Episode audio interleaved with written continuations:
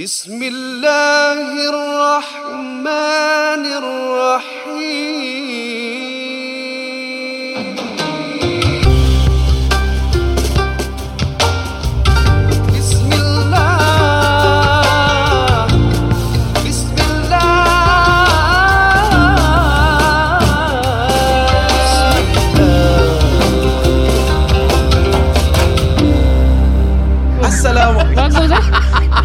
Assalamualaikum warahmatullahi wabarakatuh. Muslimin muslimat yang kami muliakan, anda sedang menonton Aksya-aksya, NGU aksya-aksya. live pada kali ini. Alhamdulillah anda telah pun dipilih oleh Allah SWT untuk menonton rancangan agama ini. Semua kita dapat manfaatnya. Hey, ya, manfaatnya pada malam ini. Jangan lupa sambil-sambil kita mendengar ceramah agama, jawapan daripada yang berbahagia Ustaz Muhammad Nuzhan, jawapan juga daripada Ustazah Kalthum mempelajari agama, kita juga dapat menderma. Ah ini elok ni. Eh kita belajar agama, kita amalkan dengan kita bersedekah, membantu anak-anak kita, anak-anak Melayu kita untuk belajar agama secara percuma eh. Ini latar belakang mereka tak kisah. Ni Nur Insan ni luar biasa sikit. Diorang hmm. memberikan satu keikhlasan yang luar biasa.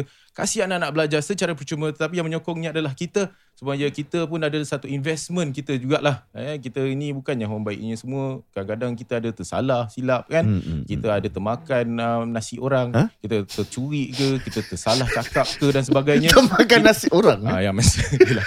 macam ambil nasi. Maaf lahir Oh, batin lah. Maaf, Ah, ya, ya, ya. Jadi sikit sebanyak kita nak menampal, menampal kesilapan kita Masya Allah. dengan bersedekah. Kita nak juga generasi-generasi muda kita ini untuk mengenal Allah. Bayangkan kalau kita tak ada uh, rancangan seperti ini. Bayangkan kalau tak ada Nur Insan dan sebagainya. Man, man, mana ya, ya untuk kita mempelajari Mancing. kita. Ya, ya, kita sibuk memancing. Jangan gitu. Eh. Hantar anak-anak kita untuk memancing tapi kenal Allah. Ah itunya. Ah tu dia. Ah tu dia. Baik, uh, NJUDSG garis miring Indonesia ayo sama kita tingkatkan eh. Kamera Ah, tak kita derma. capture eh Ustazah ni reaction Oh, tengah ah, ketawa adalah, ni. ada Dia action. macam still shot gini je. Ah. Baik. Ya. Jadi bertemankan uh, teman-teman saya Zar dan juga Raja Razi juga bersama anda dan uh, saudara kita bersama Ustaz-ustaz sikit sebanyak kasih nasihat tentang menderma ni silakan. Okey baik. Jadi ada di antara kita yang telah menderma. Walaupun kita telah menderma, kita jadikan satu amalan, satu kebiasaan. Ya. Sepanjang bulan Ramadan ini kita adakan kempen ini. Kenapa? Kerana dalam bulan ini dilipat gandakan amal ibadah. Dalam bulan inilah amalan-amalan kita ini dijadikan satu perkara yang diangkat darjatnya di sisi Allah. Mhm. Walaupun benda ni jadi sunnah, jadi wajib amalan ibadat ini, pahala ini. Dan apabila kita lakukan, mungkin kita dah derma kemarin 50 dolar. Sekarang ada rezeki lagi, derma lagi. Moga-moga ada yang juga setiap hari derma. Ada yang buat macam itu. Dia tak terus ah, 5 dolar ke 10 dolar. Tapi consistently every day. Maka baginya pahala istiqamah juga. Ah, dan ada di antara mereka yang mungkin, okay, derma 1000, derma 500. Hmm. Ada kemampuan lagi, derma lagi. Ajak kawan-kawan, kumpul dulu dengan kawan-kawan berapa. Lepas tu berikan selepuk ya melalui uh, apa yang telah kita berikan ini. InsyaAllah berbarakah lah. Ya, jadi untuk pengetahuan anda, derma ini satu benda yang Allah Subhanahu Wa Taala sebutkan fahuwa yukhlifu. Kamu akan mendapatkan gantian daripada Allah Subhanahu Wa Taala eh. Siapa yang berinfak di jalan Allah Allah yang akan gantikan ya rezeki kita. Jadi sama-sama kita menderma and now it's on to the show.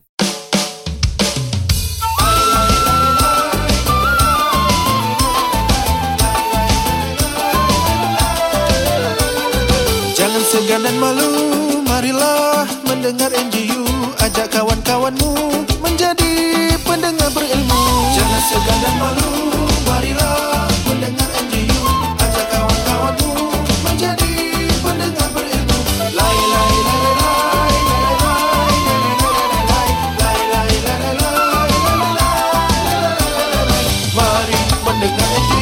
kembali dalam uh, NJU Non-Judgmental Ummah Non-Judgmental Ustaz Non-Judgmental Ustazah. Tiada soalan yang orang kata tu tak worthy Yang hmm. akan dijawab oleh Ustaz dan Ustazah. Soalan yang simple sekalipun kita ambil berat ya Dan kita, um, pastinya teman-teman panelis akan menjawab.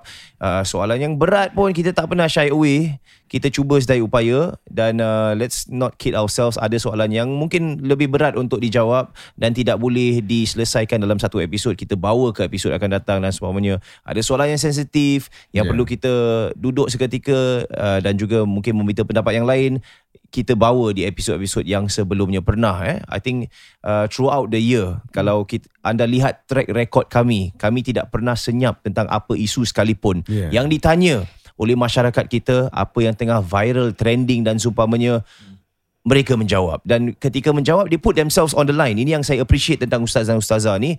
Because dalam climate masa kini yang mana nak jawab tu ada kalanya kena ikut public perception berbeza. Eh, dalam Islam tu bila kita menjawab adalah berdasarkan apa yang tertera menerusi Al-Quran, Sunnah, ya, majlis fatwa dan seumpamanya. Hmm. Dia bukan pandering to the court ataupun the judgment of the public opinion. Tapi dalam masa kini, dalam content creation masa kini, ada kalanya bila nak menjawab sebagai host pun kita berpegang pada nilai-nilai yang kepelbagaian tapi bila kita on camera kita macam seolah-olah kena sway to whatever public opinion is tidak kisah yang betul ataupun salah what is the flavour of the day kita ikut and we ride the wave. Seolah-olah tidak ada pendirian masing-masing dan mereka yang berpendirian sekalipun tidak berani untuk suarakan pendirian mereka kerana mereka khawatir kena cancel. Ayah. Ha. Ini climate dan juga cabaran dakwah moden masa kini dan inilah bila anda mendengar uh, luahan daripada ustazah dan juga ustaz dengan pandangan mereka tidak semestinya anda bersetuju tidak mengapa sebab kita diversity dalam uh, pemikiran dan juga latar belakang begitu juga dengan kami tapi apa yang kita meminta agar anda respect the safe space yang telah pun ada di sini dan walaupun anda tidak bersetuju mempunyai ada ada pandangan yang berbeza dan semuanya dipersilakan uh, kami menerima segala-galanya insyaallah i think that is uh, DNA Yeah. bagi rancangan ini Betul. that's it Ya. That's a good quote. It's, Nah, a, it's a good one, bro. Macam uh, macam tadi ustaz kan kalau Yeah. sebut tentang kita menghormati institusi fatwa. Mhm. Asatiza kalau kita tak menghormati institusi fatwa orang, Yeah. orang pun akan buat macam gitu juga. Dan You're kalau right. kita tak uh, kita sendiri tak menghormati institusi fatwa kita, siapa Hmm. yang akan menghormatinya? Kalau itu yang step yang perlu kita uh, didik lah masyarakat Hmm. kita eh. Kita boleh tak ber- tak terima, kita boleh tapi untuk me, me, apa tarnish dia reputation, cakap dia orang ni buat untuk sekadar gini gini gini Hmm, yang duduk tu ramai tau. Eh, Hmm. kalau ikut hadis pun uh, orang yang ramai itu tidak akan sependapat dalam perkara-perkara yang tak baik ataupun bohong. Mesti Mhm. akan ada di kalangan mereka yang tidak akan setuju kalau perkara yang diorang putuskan benda yang tak baik. Saya nak tanya, ada kak contoh dalam sejarah yang mana umat uh, atau ulama berbelah bagi dalam satu perkara yang mungkin sekarang ini uh, telah pun diterima secara itlak secara general. Ada tak? Maksudnya dahulu masih jadi Dahulu macam mana? konsensus, Ada macam saya pernah dengar lah contohnya macam uh, yalah uh, Imam Hambali dan Hmm, juga hmm, hmm, hmm, um, Oh. Imam Syafi'i ya dengan um, orang kata tu relationship mereka walaupun ada sedikit uh, Hmm, hmm, perselisihan faham namun begitu tetap menghormati antara sesama lain. Hmm. Ada tak this kind of um, examples Hmm. dalam dunia keislaman ataupun ustaz perlu sedikit masa Ah, untuk ada memikirkan. ada saya rasa uh, kalau dari, daripada sudut ibadat eh khususnya Mhm. contohnya macam kunut subuh Ya. contohnya macam uh, wirid selepas sembahyang kan uh, pandangan para ulama berbeza-beza daripada dahulu dan sampai sekarang. Walaupun dengan ada penemuan baru. Contohnya zikir selepas solat. Eh zikir selepas solat ulama yang membenarkan secara berjemaah dan ramai. Mereka menghujahkan kepada itu tidak dijadikan satu kebiasaan tetapi jadi pendidikan untuk Mhm. orang yang ada. Jadi dalam konteks zaman sekarang mungkin orang terus berzikir selepas solat secara nyaring dan berjemaah mengambil hujah tersebut dan konteksnya orang sekarang tak tahu banyak wirid-wirid anak-anak tak tahu wirid mana yang Nabi sallallahu alaihi wasallam ajarkan. Selepas subuh maghrib la ilaha illallah wahdahu la syarika lahu lahul mulku wa lahul hamdu yuhyi wa yumiitu ala kulli syai'in qadir 10 kali. Ha, kalau yang ini 3 kali dan biasanya. Jadi walaupun ada penemuan baru Hmm. tetapi itu tidak menafikan ijtihad ulama-ulama yang tidak membenarkan zikir dan wirid secara berjemaah. Ha, itu dari segi ritual. Tapi dari segi apa muamalat jual beli. Kalau satu ketika dahulu mungkin mereka merasakan bahawa perbankan contohnya eh bahawa dari sudut sistem keuangan mereka terus blanket ini adalah satu perkara yang berdosa dan haram dan riba Hmm. tapi setelah zaman berubah dan Oh there was setelah once. Ah, ada ada Hmm. ulama-ulama yang ada pandangan bahawa untuk mengelakkan daripada inflation, untuk mengelakkan daripada perkara-perkara yang betul, mereka sebutkan apa? Mereka sebutkan eh, perkara-perkara ini dulunya terus komplit haram, Mm, mm, mm. ah, komplit berdosa. Macam contoh ambil loan untuk beli rumah lah contoh. Ya, and then ada beberapa gelintir ulama yang memahami Uh, beberapa gelintir ulama yang memahami dan akhirnya perkara ini dah jadi satu benda yang biasa boleh dibenarkan. Contohnya contoh sekarang mungkin kripto. Contoh saja ini saya tak tahu cryptocurrency. Ada juga Apa coin yang sekarang, Ustaz beli sebenarnya? tak ada. sekarang semua tengah down eh. XRP. tak ada lah. Uh, XRP, XLM ni semua orang kata jangka masa panjang lah Ya, tapi ya. kita tak semua, tahulah. semua jangka masa panjang Ustaz tapi tak Ya. ada tengok. Ya tapi dahulu dahulunya dahulunya uh, mungkin pandangan seperti ini dikatakan uh, mi- minoriti saja yang membenarkan. Ya. Tapi bila kebiasaan dan dunia sejagat akhirnya menerima ekonomi ni, Hmm. dia ada terkesan juga. Dia bukan pasal public punya opinion, tapi ada perkara yang uruf. Saya kasih satu contoh yang very classical eh. Uruf tu contohnya adalah bila mana seseorang jual makan dengan minum, dia beli dapat plastik bag.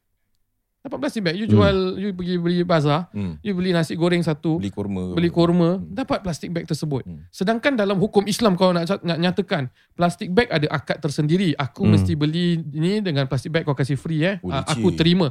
Tapi setelah kebiasaan zaman sekarang dan uruf membenarkan perkara tersebut, akhirnya orang pun tahu plastik bag is for free. Padahal itu ada cost. Itu Yeah. ada cost. Hmm. Ah, jadi untuk menyatakan bahawa segala-galanya ini terpahat dengan kitab dan pada zaman dahulu tak boleh. Ah, dia ada pada zaman sekarang ni mungkin perkara-perkaranya berbeza. Baik, kita bersama dengan seorang pendengar Ya. uh, di dalam Clubhouse. Bagaimana? Kita bersama dengan siapa ni, Nazif? Dan, uh, seterusnya kita bersama dengan uh, Nabil. Silakan Nabil. Assalamualaikum Nabil. Apa khabar? Nabil. Hello Nabil. Assalamualaikum Nabil. Nabil, Okay? Nabil belum bersedia. Okay, Nabil belum bersedia. Okay, kita teruskan uh, teruskan dengan uh, Teruskan, ya. Hello. Ya. Ya. Salam. Najib. Ah, Nabil ke Najib ni?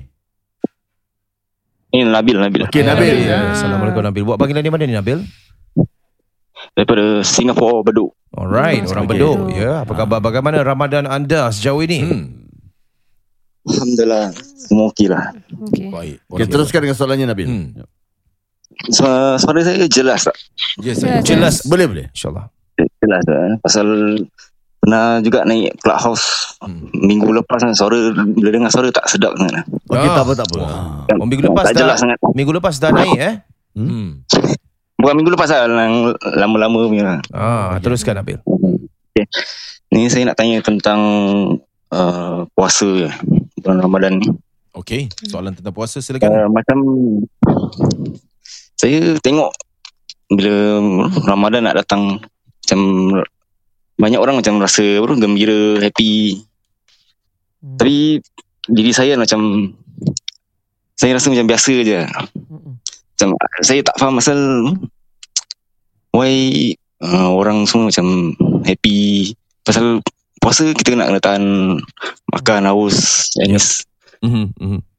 Terus betul lah Macam it's not the best feeling pun Macam tahan lapar Mm-mm. Tahan haus semua Okey. Then Saya nak Macam Macam mana nak, rasa- nak rasa happy ke ni bro? Yes Is that the uh, soalan dia? Kasih kata-kata motivation Macam untuk Hmm. uh, Kasih kita rasa lagi Semangatlah Bagi untuk semangat lah, Ramadan lah ya. Baik, itu soalan dia. Terima kasih Nabil. Yes Okay, terima kasih. Soalan Ya. baik Ya. juga sebenarnya. Mm. Soalan yang uh, agak orang kata tu uh, Reality. baik lah. Saya Ya. baik kena aku baca. Soalan real lah. Ada Ya, orang, lah. ada Ya. orang macam dia cakap aku happy Ramadan tapi Ya. memang aku penat, lapar, Ya, ya, apa yang nak happy sangat kan. Hmm. So motivate Macam anak Kalau kita tak hari ya. tanya berapa hari lagi puasa. ya. Hmm. Berapa ya. lagi lagi. Ha. Memang Kesian. down kalau nak fikir tentang kalau tentang lapar ni memang down. Mm-mm. Yalah. Eh pagi dah lah bangun pagi penat mata kelat. Hmm. Nak kena makan lagi. betul. Sekarang selera makan belum datang pagi-pagi tu. Hmm. Ya, ya. Habis ya. nak kena ah nak bertagak nak minum habis nak makan kurma lagi nak minum susu habis dah lepas makan tidur perut pun kembung dan sebagainya. Jadi um, apa yang boleh kita lihat untuk kita menjana kegembiraan dalam Ramadan. Ada orang Ramadan dia happy sebab dia dapat berniaga. Ya. Yes, ah, dia yes. dapat berniaga. Oh, ini zaman ini bulan keuntungan. Hmm. Bukan bulan Al-Quran bagi dia bulan keuntungan. Ada ada ada perniagaan kira ada perniagaan pos tau. Kira tak boleh Hmm. berniaga Ah, Ramadan, dalam bulan eh? Ramadan ni. Ah. Yelah Ya. macam kadang-kadang wedding industry kan. Yes, Ya, kira sebagainya. stop one month. Mm-mm. Ada bulan Ramadan bulan viral. Bakar kerupuk leko. Oh, lama tu, lama lama ni eh. Ustaz saya ikut viral saya saya Ya, ya, viral. ya, ya. Bakar kerupuk liko. Dia cakap kerupuk leko tu plastik. Plastik kan. Ah, plastik. Dia cakap makcik tu jual plastik. Ya, adalah. Alah, setiap tahun Tapi ada lama bazar. bercerita lah ya. Ya, ada satu kali satu masa tu bazar pun dikatakan penjualan pasal dia, Hmm. ada orang kena tangkap. Hmm, Kat gambar tu ada orang kena tangkap kena tangkap gari. Betul. Dia jual apa tikus dan juga anjing Hmm. punya daging. Padahal nak diselidik rupanya tu illegal immigrant yang kena Ah. tangkap dekat bazar kan. Ada zaman bulan Ramadan ni bulan YP bergaduh. Ha? Hmm. Dekat bazar. Ada ke? Ada zaman dulu lah. Kau Oh, tahu ya, sekarang ada tak? Sekarang lah. besar lah. Kau Oh, tengok ya. ah, sekarang macam bugem dah. Ha, lepas dah kontrol dia pack dia. Dia tak boleh bergaduh. Itulah. dulu, gaduh eh. Ya, ya. Apalah gaduh-gaduh ni? Orang tengah lapar bergaduh. Sebab lapar lah gaduh. Iyalah. Oh, sebab panas. Ada orang ada rancangan hari raya. Hmm. Ha, dan nak akhir raya ada rancangan hari raya. Lepas tu ada komen, kan lebih baik menghormati ni apa hiburan-hiburan. Hmm. Habis bila ada NGU tak tengok. Ya, Jangan ya, ya. cakap tak tengok, tak derma pun. Sudah dah ya. Yalah, ya habis kalau dia tak Direct tengok, sangat lah. Oh, Ya. ya, yalah. tak boleh. Tak boleh sangat eh, Ustaz maafkan Tak boleh. saya. Ya, Maafkan jadi- saya ya. Jadi Apa- macam mana? The spirit of Ramadan ni apa ni sebenarnya? Uh, kita kita dapat apa yang kita how, what we see is what we get. Mm-mm. Selalunya kita kena jelaskan apa yang kita pandang terhadap Ya. satu perkara. Contohnya kalau lapar, dahaga, kita pandang sebagai lapar dan dahaga, maka kita akan dapat lapar dan dahaga. Tapi kalau kita pandang sebagai satu pengendalian diri Hmm. yang mana I am in control of myself. This benda yang aku perlukan, benda halal tapi I'm able to control. So benda-benda yang haram, benda-benda yang berat bagi aku, benda yang memudaratkan aku, aku jauh lebih patut boleh mengendalikan Hmm. kan? Benda-benda yang tak bermanfaat. Ini benda ter- terang-terang bagus baik biasa untuk aku tapi aku mampu untuk mengendalikan pada waktu-waktu tertentu. Yeah. so what you see is what you get. Uh, that, that's my point number one. So jelaskan eh perkara-perkara apa yang kita lihat sehingga datang eh, manfaat-manfaat. Antaranya seperti uh, selain daripada makan dan minum kita lihat Ramadan ini bulan pengampunan. Bulan di mana kita yang kita pause for a moment dalam kesibukan harian. Sama macam tadi saya cakap uh, wedding industry kan Hmm. stop dan sebagainya. Tapi ada orang daripada wedding industry jumpa saya bagus Ustaz. Sebulan saya bersibuk-sibuk kejar ini kejar itu kan. Tapi satu bulan ni bukannya saya ke buluh, bukan saya utang ke apa sebagainya. Tapi sekurang-kurangnya saya dapat duduk rehat dengan family, pause Oh. for a moment, tengok. Kira bulan ni Ustaz tak dapat duit salam kaup nikah lah. saya pula kena. Oh, tak. Saya pun tak buat DJ lagi dah. ya, ya. Oh. Saya rehat Masya hujung Allah. minggu. Saya you- weekend ni saya akan makan uh, iftar bersama dengan bapa saya dan ibu saya. Allah. Allah. Anak yang salih Dapat misalnya. rest ah. Ya. Dulu dulu saya sibuk di bazar, jual kapet. Apa yang saya kerjakan saya tak tahu. Patutlah kau tak tahu. kau tak tahu, aku lagi tak tahu. Kita commission, commission. ya. So ya yeah, okay Saya dah uh, nak fikir nak jawab eh Walaupun Maafkan saya. uh, rezeki daripada itu tak ada banyak lagi kan Ah. Dapat terawih di mana-mana Oh, Ya, Allah. betul juga, betul. Ya, Bukan ya. dapat salam keruk eh dekat terawih kat mana-mana jangan Ya, salah ya, pula eh. Okay tak apa. Jadi maknanya kita dapat pause for a moment and look at Hmm. uh, other things in life that Yeah. matters to us kan. Jadi kita kena go to that concept again. Look at uh, the, what you get is what you see eh. What you see is what you get. Uh, think positive. Dan dalam masa yang sama spiritually ataupun uh, perkara-perkara yang dijanjikan oleh Allah seperti pengampunan, seperti bulan turunnya Al-Quran, seperti malam yang lebih baik dari seribu bulan. Cuba pause for a moment tengok kalau kita dah lalui kehidupan ni berapa puluh tahun, boleh tak kita dapat beribadah sampai 80 lebih tahun punya quality dalam satu malam. So itu satu tawaran yang Allah SWT nak berikan. Sebab itu Allah sebutkan Lailatul Qadri khairum min alfi syahr. Allah sengaja sebut ser- seribu bulan supaya kita contemplate and make the calculation. Allah did not need to apa specific an amount. He rarely speaks about amounts in in in the in the context of Al-Quran. Jarang sebut na, bilangan. Tapi bila dah sebut bilangan, it, it matters to someone. So kita tengok seribu kalau kalau orang kata jauh dengan dekat it's very subjective. Ya. Ni jauh ke dekat ah dekat je sekejap aja. Bagi orang yang tinggal negara besar ni dekat. Bagi Hmm. kita kan jauh. Kalau dia ni apa sedap ke tak sedap subjektif. Seribu bulan, 80 lebih tahun. Look at your own life. Jangan orang lain. Tengok 80 lebih tahun, kamu boleh dapat keberkatan dalam ketaatan 80 lebih tahun dalam satu malam. Tak boleh. So ini satu peluang. Satu peluang Allah beri kepada umat Nabi Muhammad SAW. Satu peluang untuk kamu contemplate tengok rezeki. Jarang kita tengok rezeki kita bersyukur. Time nak berbuka kita tengok Masya Allah sedapnya Nikmatnya. Ya ada orang tak dapat makan Kita pula kadang-kadang terlebih makan Dan sebagainya. So it's a, it's a month to pause and reflect. And I think when we do this in our daily life And we see things uh, in other ways Then insyaAllah there will be some Apa orang kata kegembiraan uh, Dan kebahagiaan lah uh, Tapi look at yourself lah. Kita tengok diri kita Saya tak tahu Beliau punya insentif bagaimana Mana- Uh, kalau kalau not inclined to spirituality, inclined to more Lapar dan monetary- dahaga saja. ah, monetary hmm, susah apa-apa. ya. depends on kita punya latar belakang. Uh, Hmm. So look at Ramadan as a whole, apa comprehensively, then look at what triggers you to be happy. Yeah. Ustazah macam mana Ustazah? Hmm, saya Kebahagiaan dalam Ramadan ni macam mana? Saya rasa uh, soalan yang dia beri tu very reality Hmm. uh, dan uh, saya kita, kita dah tahu all the scholars dah beri many motivation yeah. about this kan tapi tak boleh stir dia punya tak dapat untuk merubah hati Menjentik dia hati dia. menjentik hati Hmm. dia mudah-mudahan hari ini uh, kita, kita tak mampu nak cakap apa-apa Mm-mm. kerana uh, yang akan menjentik hati orang tu adalah Allah Subhanahu Wa Taala why not kita yang hadir pada hari ini kita doakan bahawa ada insan-insan yang seperti itu Hmm. Allah berikan dia kecerahan eh Allah uh, yang macam Rabbi syrah li sadri wa yassir li amri. Uh, mudah-mudahan Allah terangkan hati dia untuk menerima. Allah pemudahkan urusan dia untuk balik kepada Allah Subhanahu Wa Taala. Mhm. Ki- itu beyond kita punya control. Mhm. beyond kita punya power. Tapi doa seorang hamba kepada hamba yang lain Mhm. eh, untuk kebaikan dia untuk dia kenal pada Allah dia dekat kepada Allah itu sangat-sangat penting ah kita ja- jangan kita kita pandang kecil lah doa ni yeah. dan sesama kita eh hari yang baik ni bulan yang baik mudah-mudahan kita doakan seor, seumpama macam tadi Mhm. berada tadi dengan yang seumpama dengan dia semua yang dekat luar sini kalau masih belum ada cinta kepada sesuatu ibadah tu Mhm. you sendiri yang kena uh, kena minta pada Allah untuk datangkan cinta tu kepada diri kita dan juga uh, macam muhasabah ustaz bilang kerana banyak masa ni banyak kita tak terkejar-kejar untuk nak pergi Mhm. lunch Mhm. kan kita ada banyak reflect so kalau you rasa you boleh lapar siang hari apa yang you akan buat pada sebelum waktu sahur tu eh Mhm. waktu sahur tu sepanjang malam daripada you buka sampai pagi so saya kalau dengan anak semua dia orang tak boleh tahan kan? Kita akan pause banyak kali untuk suruh dia makan. Mhm. makan minum air banyak. Tu usaha tau. Kenapa kita nak kita nak supaya kita kuat pada siang hari kita ada usaha sekejap. Pause eh. Sapa minum makan sikit. Dan itu usaha supaya you nak kekal kuat kan? Pasal ada orang makan kurma semua kerana dia Ya. nak datangkan kekuatan bagi diri dia.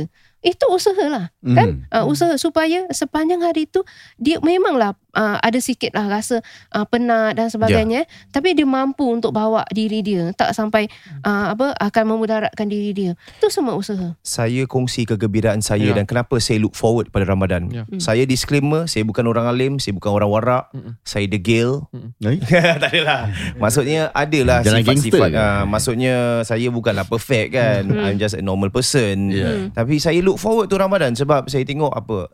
Sebab uh, saya lihat uh, psikologi manusia ni, Hmm. uh, konsep kegembiraan, happiness. Hmm. Kadang-kala we are defined dalam kehidupan kita apa definisi kegembiraan ada kegembiraan adalah gaji yang lebih itu gembira bagi dia tapi sejauh mana kegembiraan itu will last dengan gaji yang lebih Hmm. you know saya pernah merasa gaji 1008 saya pernah merasa gaji 10 kali ganda daripada itu pun Hmm. akhirnya kegembiraan tu dia akan plateau Hmm. Sejauh mana kenikmatan yang kita dapat Makanlah berapa sedap kita makan Mm-mm. Dia akan plateau Hari-hari kau makan caviar You will get sick of caviar Mm-mm. Hari-hari makan Maushan Wang Durian yang mahal Mm-mm. Satu hari kita akan jelak dengan makanan tu Mm-mm. Jadi Saya lihat Kuasa Allah SWT tu Mm. Dalam memberikan kegembiraan Dia adil dan saksama Tidurnya orang yang miskin Berlantaikan cardboard Mm-mm. lenanya tidur sama kenikmatan dia dengan orang yang kaya tidur dengan katil Siemens. Hmm. Kayanya seorang yang berbumbungkan rumah yang besar gila, satu hari kalau dia dalam lone, uh, in loneliness dia pun tidak akan gembira juga. Ya. But for that split moment beli memang dopamine hit gembira. Okay. Tapi berapa lama gembiranya? See. So apa yang saya nak relate balik pada Ramadan ni? Dalam Ramadan kita bersahur. Lepas tu Hmm. kita berpuasa satu hari. Lapar. Hmm. Kegembiraan kita datang saat berbuka puasa. Hmm. It is such a simple happiness. You Yeah. you are hungry for the whole day. Mm-mm. Tapi bila saat you dapat minum air, wow, wow. nikmat dia ke sini. Masya Allah. Kita makan apa? I'm going on like a Ramadan dan juga diet. I'm trying to Yeah. cut down more weight. Hmm. Ya. Hmm. Isteri saya order banyak barang-barang. Hmm. Saya jadi seronok. Hmm. Padahal saya makan kecil je kan. Dengan cakap, eh ni apa ni? Ni apa ni? Berwarna-warni. Hmm. It's just so fun. And I look forward. Nak tunggu tu. Hmm. Nak tunggu Hmm. azan. Hmm. It's just these little excitements. Bila when we are taken away kenikmatan harian tu. Dan kemudiannya kenikmatan tu hanya datang Hmm. pada waktu maghrib. Mm-mm. You know, itu adalah kegembiraan bagi saya. You know, untuk kalau kita tak tahu macam mana nak bersyukur tentang perkara yang you know Tuhan bagi, you can just look at esok harinya bila kita dapat berbual ataupun bernafas, that is kegembiraan Tuhan bagi kita one more day to live. You know, it doesn't have to be oh today you get $10,000 then you're you're happy. Yes, you might be happy but Yeah. for how long? Yeah. You know. Eh, sebenarnya saya pick up dua perkara daripada yang Zar punya yang sa- sangat relatable to agama. Bila Hmm. Zar sebut pasal, pasal berbuka, Mm. Nabi explicitly tells us lis-saimi farhatan. Yeah. Nabi mention kegembiraan. Hmm. Orang yang berpuasa dua kegembiraan. Satu inda liqa'i rabbi bila bertemu Allah, kedua Mhm. indal iftar bila dia tengah True. berbuka. Itu Yes. satu. And then when when uh, being great, apa grateful. So bukan hanya pada nikmat, pada benda-benda yang akan lalai dan Hmm. akhirnya akan kita akan apa jemu. Nabi dalam Al-Quran ayat 184 Al-Baqarah Allah sebut walitukmilul iddata walitukabbirullah. Dah cakap pasal puasa kutiba alaikumusiyam dan sebagainya. Sempurnakan sebulan puasa dan bertakbirlah dengan nama Allah Mhm. kan takbir pagi raya wala'allakum tashkurun dan inti dari puasa hasil dari puasa menjadikan kamu orang yang bersyukur pada Allah. Dan Sebenarnya saya, macam ke, ah, kegembiraan yang saya nak sentuh lagi adalah berkenaan dengan saya rasa true happiness comes daripada receiving, true happiness comes from giving. Hmm, hmm, hmm. Bila kita memberi, memberi tak semestinya Hmm. dari bentuk sedekah dan Hmm, sebagainya. Memberikan masa dan tenaga untuk Hmm. kerja-kerja kesukarel, uh, sukarelawanan. Ya. Bermaksud kita tengok eh banyak masjid-masjid sekarang ataupun even rider-rider Hmm, ya. mereka-mereka yang ada van Betul, betul. dan sebagainya mereka ada buat banyak giveaway hujung minggu Ya. mereka bergabung sama-sama bagi air fryer kepada Betul, orang yang betul, memerlukan Betul. kumpul makanan-makanan beras ke apa Mm. bagi pada mereka yang memerlukan dan ketika memberikan that act of giving psychologically kita lihat this act of giving Mm-mm. Ia empowers us. Kita mendapat tahu ada golongan yang memerlukan. Lihat keadaan mereka begitu. Berbual apa khabar cik? Semuanya okey? Benda cukup. Mm-mm. datang satu keinsafan. Betapa bersyukurnya kita dalam keadaan yang sangat privilege. Mm-mm. Kita makannya cukup tidurnya cukup kerja kita alhamdulillah. Tapi kita lihat orang yang mungkin lebih kurang berkemampuan tapi kita dapat memberikan dia berikan kita satu rasa kepuasan. Mm-mm. yang mana gaji kita kita masuk ti- tidak hanya untuk memberikan pada diri kita dan keluarga kita malahan kalau diberikan pada orang mendatangkan kegembiraan pada orang lain. And to me that is pure happiness. It is in giving. Hmm. jadi saat kita rasa kita tak gembira dalam bulan Ramadan kita cari. Kita cuba socialize dengan orang-orang yang membuat kerja-kerja kemasyarakatan ni. Kalau kita tak berkemampuan untuk bagi tak apa. Kita laburkan masa. Okey aku tahu hujung minggu ni Sunday ada grup ni nak pergi ke rumah-rumah untuk bersihkan Tenaga, rumah- tenaga. ah. datang. Hmm, tunjukkan. tenaga. Ya. and in the energy of doing it walaupun kau introvert macam saya ni introvert saya jarang berbual tapi bila kita buat dengan orang ni Hmm. dia energy tau. Hmm, hmm, hmm. InsyaAllah lepas kerja tu selesai Rasa kepuasan tu Hmm. Dan itulah kegembiraan Tahu Ya. kita luak, lakukan perkara ini Dalam bulan Ramadan lagi Berlipat ganda pahala kita Hmm. Itu yang kita inginkan Ya, sebenarnya ya. So defining that, that purpose defining Ya. kegembiraan, defining kepuasan yang ada, that's one way to look at that. Hmm. And practically kita cari, eh kita Hmm. cari volunteer work dan pemberian dan sebagainya. Jadi you were saying Ah, pasal uh, saya pasal dengan keluarga Ustaz. Oh, pasal setahun time. ni saya kalau Disember kita tak ada recording. Hmm. Jadi itu saya dapat luangkan masa dengan keluarga. Hmm. Kalau Januari sampai November selalunya siang saya dekat office. Saya tak dapat Hmm. jumpa anak saya kan. hmm. Jadi apa dalam bulan Ramadan ni is the only day, is the only month yang saya dapat makan ramai-ramai sama-sama bila waktu berbuka. Hmm. That is the only time. Pasal biasanya kalau hari biasa nanti saya dah habis pukul 6, kadang-kadang klien cakap eh, jumpa lepas maghrib ah bro, lepas kerja baru aku boleh jumpa kau. Jadi saya takkan pulang. Hmm. Lepas office terus saya datang sini, terus saya recording sampai 3 pagi anak-anak saya dah tidur. Hmm. Tapi when comes to Ramadan, tak ada orang yang nak jumpa saya appointment pukul 6.30. Ah, Jadi semua nak balik buka dulu. Jadi bila saya balik hari-hari saya dapat berbuka dengan anak-anak saya. Alhamdulillah. Alhamdulillah. only only in Ramadan. Ya. You did a giveaway recently juga Yeah, we did. Yeah. Uh, And I feel macam- biasa kebahagiaan berbeza-beza eh. Hmm, hmm. Yeah. According to someone lah eh. Mungkin ada orang ada family tapi dia selalu berbuka kat masjid kan. I Ah, pasal dia aktivis masjid kan. Ah, jadi dia dia pula nak jumpa orang-orang jemaah pula. yeah. Ah, Oh, jadi ya. berbeza-beza lah cara saya kita. kongsi satu Ya. lagi bila Ustazah sebutkan ni saya masih ingat lagi this is a core memory bila saya uh, waktu ketika Remaja. bukan remaja Yang like a few years tu ah? back Oh, waktu Oh, tu bukan. boleh berbuka di masjid oh ramai-ramai. sekarang ma- boleh lagi tak Ah belum. belum lagi Iftar belum. So saya ingat kegembiraan di sana. Saya masih ingat masa tu masih Wak Tanjung saya Hmm, datang. hmm. Lambat saya tak tahu nak mana nak makan dah. Pergi Right. ada masjid, pergi masjid. Okay. Hmm. Habis diorang tengah serve macam Hmm. uh, nasi, biryani. Nasi biryani. Duduklah dengan uh, some migrant workers Ya. kan. Kita dah standby dan bila kita makan bersama-sama dengan orang yang tidak kita kenali, Hmm. berkongsi makanan yang ada di sebelah depan. Itu For me happy. that's really happiness. Ya. Bertanya khabar dan sebagainya dari mana kan, Ya, dah berapa lama kerja sini. miss their Yeah. children Yeah, and all that. I, I appreciate one day macam Yeah. tu tau. Satu hari yang kalau saya dah dapat buka dengan orang yang saya tak kenal, lepas tu dapat berbual, uh, a friend of, Yeah. a brother of mine, no, lepas tu cerita pasal latar belakang dia, pergi rumah-rumah dan bantu. Mm, mm, mm. It really makes our day. Uh, so, so so this this thing kita boleh relate lah ya alhamdulillah. Hablum minan nas saya jadi. Ah, hablum Eh? minan nas kita.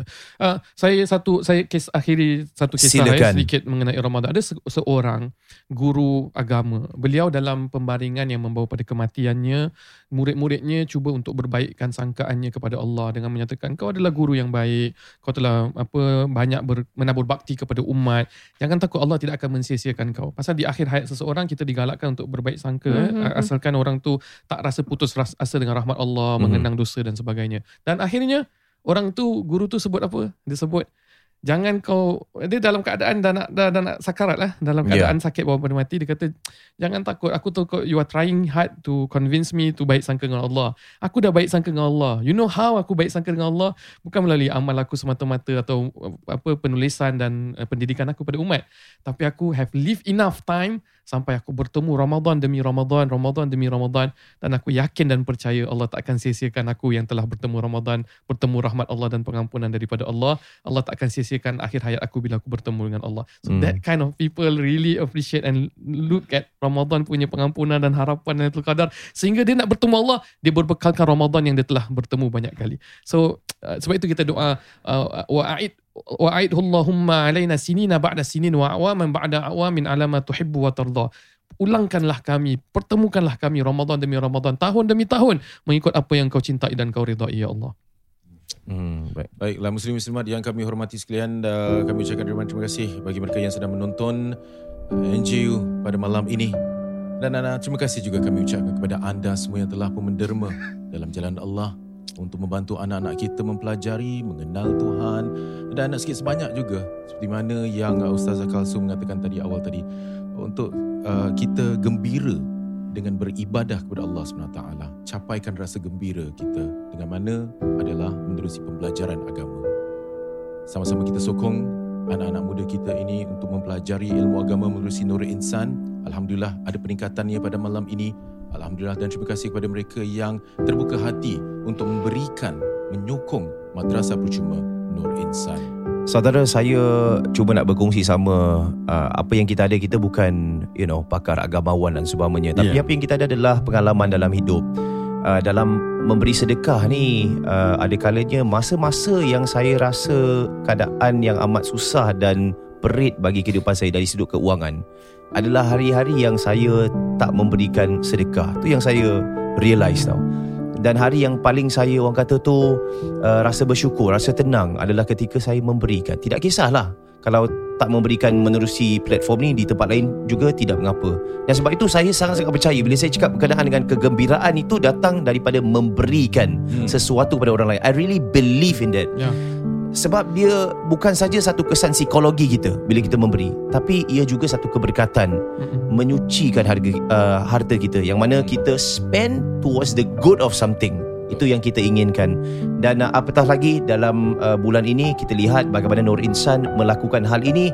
Bukan saja untuk bulan ini malahan sepanjang tahun memberikan free madrasah education iaitu uh, madrasah percuma pada uh, setiap hujung minggu untuk anak-anak daripada latar belakang yang berbeza. Dapat datang register datang pembelajaran percuma gaji-gaji asatiza dibiayai sepenuhnya oleh pendengar dan juga penyumbang-penyumbang di luar sana. Jadi tunggu apa lagi dalam masanya untuk memberikan seberapa uh, berapalah nak bagi tak kisahlah bukan Betul. cakap 10 dolar ke 50 dolar tidak.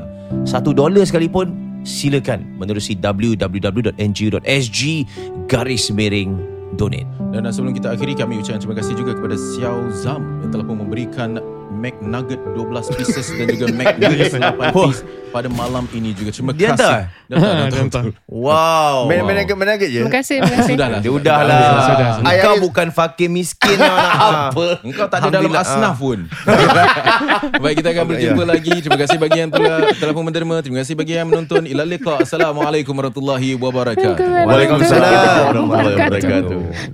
Baik, terima kasih bagi mereka yang saksikan live ya. Kita jumpa pada minggu hadapan. Kita bersiaran langsung pada setiap hari Rabu Mhm. uh, bermula pada jam 10 kadang-kadang lebih 10 lah sebab on the way daripada terawih semua datang sini kan. Ya, ya. jadi standby je jam Tilawah 10 lagi, eh? Ah, tilawah lagi. Ha, mana nak stream the live mirror dekat TV masing-masing dipersilakan. Setiap maklum balas kami terima. Dan kalau ada tu- soalan-soalan yang nak ditanya log on to Clubhouse juga. Clubhouse punya audio dengan audio Facebook dia lain tau frekuensi Ya, dia ya. eh. Sebab menggunakan wadah yang lain jadi harap maklum um, dan kita berjumpa pada minggu depan nanti. Tapi kalau terlepas untuk menyaksikan live ni boleh dengar pada setiap hari Jumaat. Uh, Jumaat jam 6 pagi kami sudah pun muat naikkan di ruangan Spotify. Dan waktu tu kita di tangga nombor 2 lepas tu jat- jatuh sikit volatile. Jadi kongsi lingkaran ni kepada pendengar-pendengar baru Mhm. yang tak tahu pasal NGU kongsi pada mereka kita Ya. perlukan pendengar-pendengar yang baru Ya, ada kalanya soalan-soalan yang kita tanyakan mungkin kita rasa perlu untuk teman-teman kita, orang-orang yang di luar untuk mendengar, ahli keluarga kita dengar. Ataupun soalan-soalan pada minggu-minggu yang lalu kita rasa ah ni penting. Ataupun sekurang-kurangnya usaha Nur Insan. Ha, contohnya macam ah mak derma lah dekat Nur Insan. Ha, inilah dengarlah apa tu Nur Insan tu sikit sebanyak. hmm. Boleh ah, apa kongsikan lingkaran ini ataupun pautan ini. Terima kasih. sehingga kita berjumpa Terima kasih lagi semua. Wabillahi taufiq hidayah wassalamualaikum warahmatullahi wabarakatuh Assalamualaikum warahmatullahi wabarakatuh.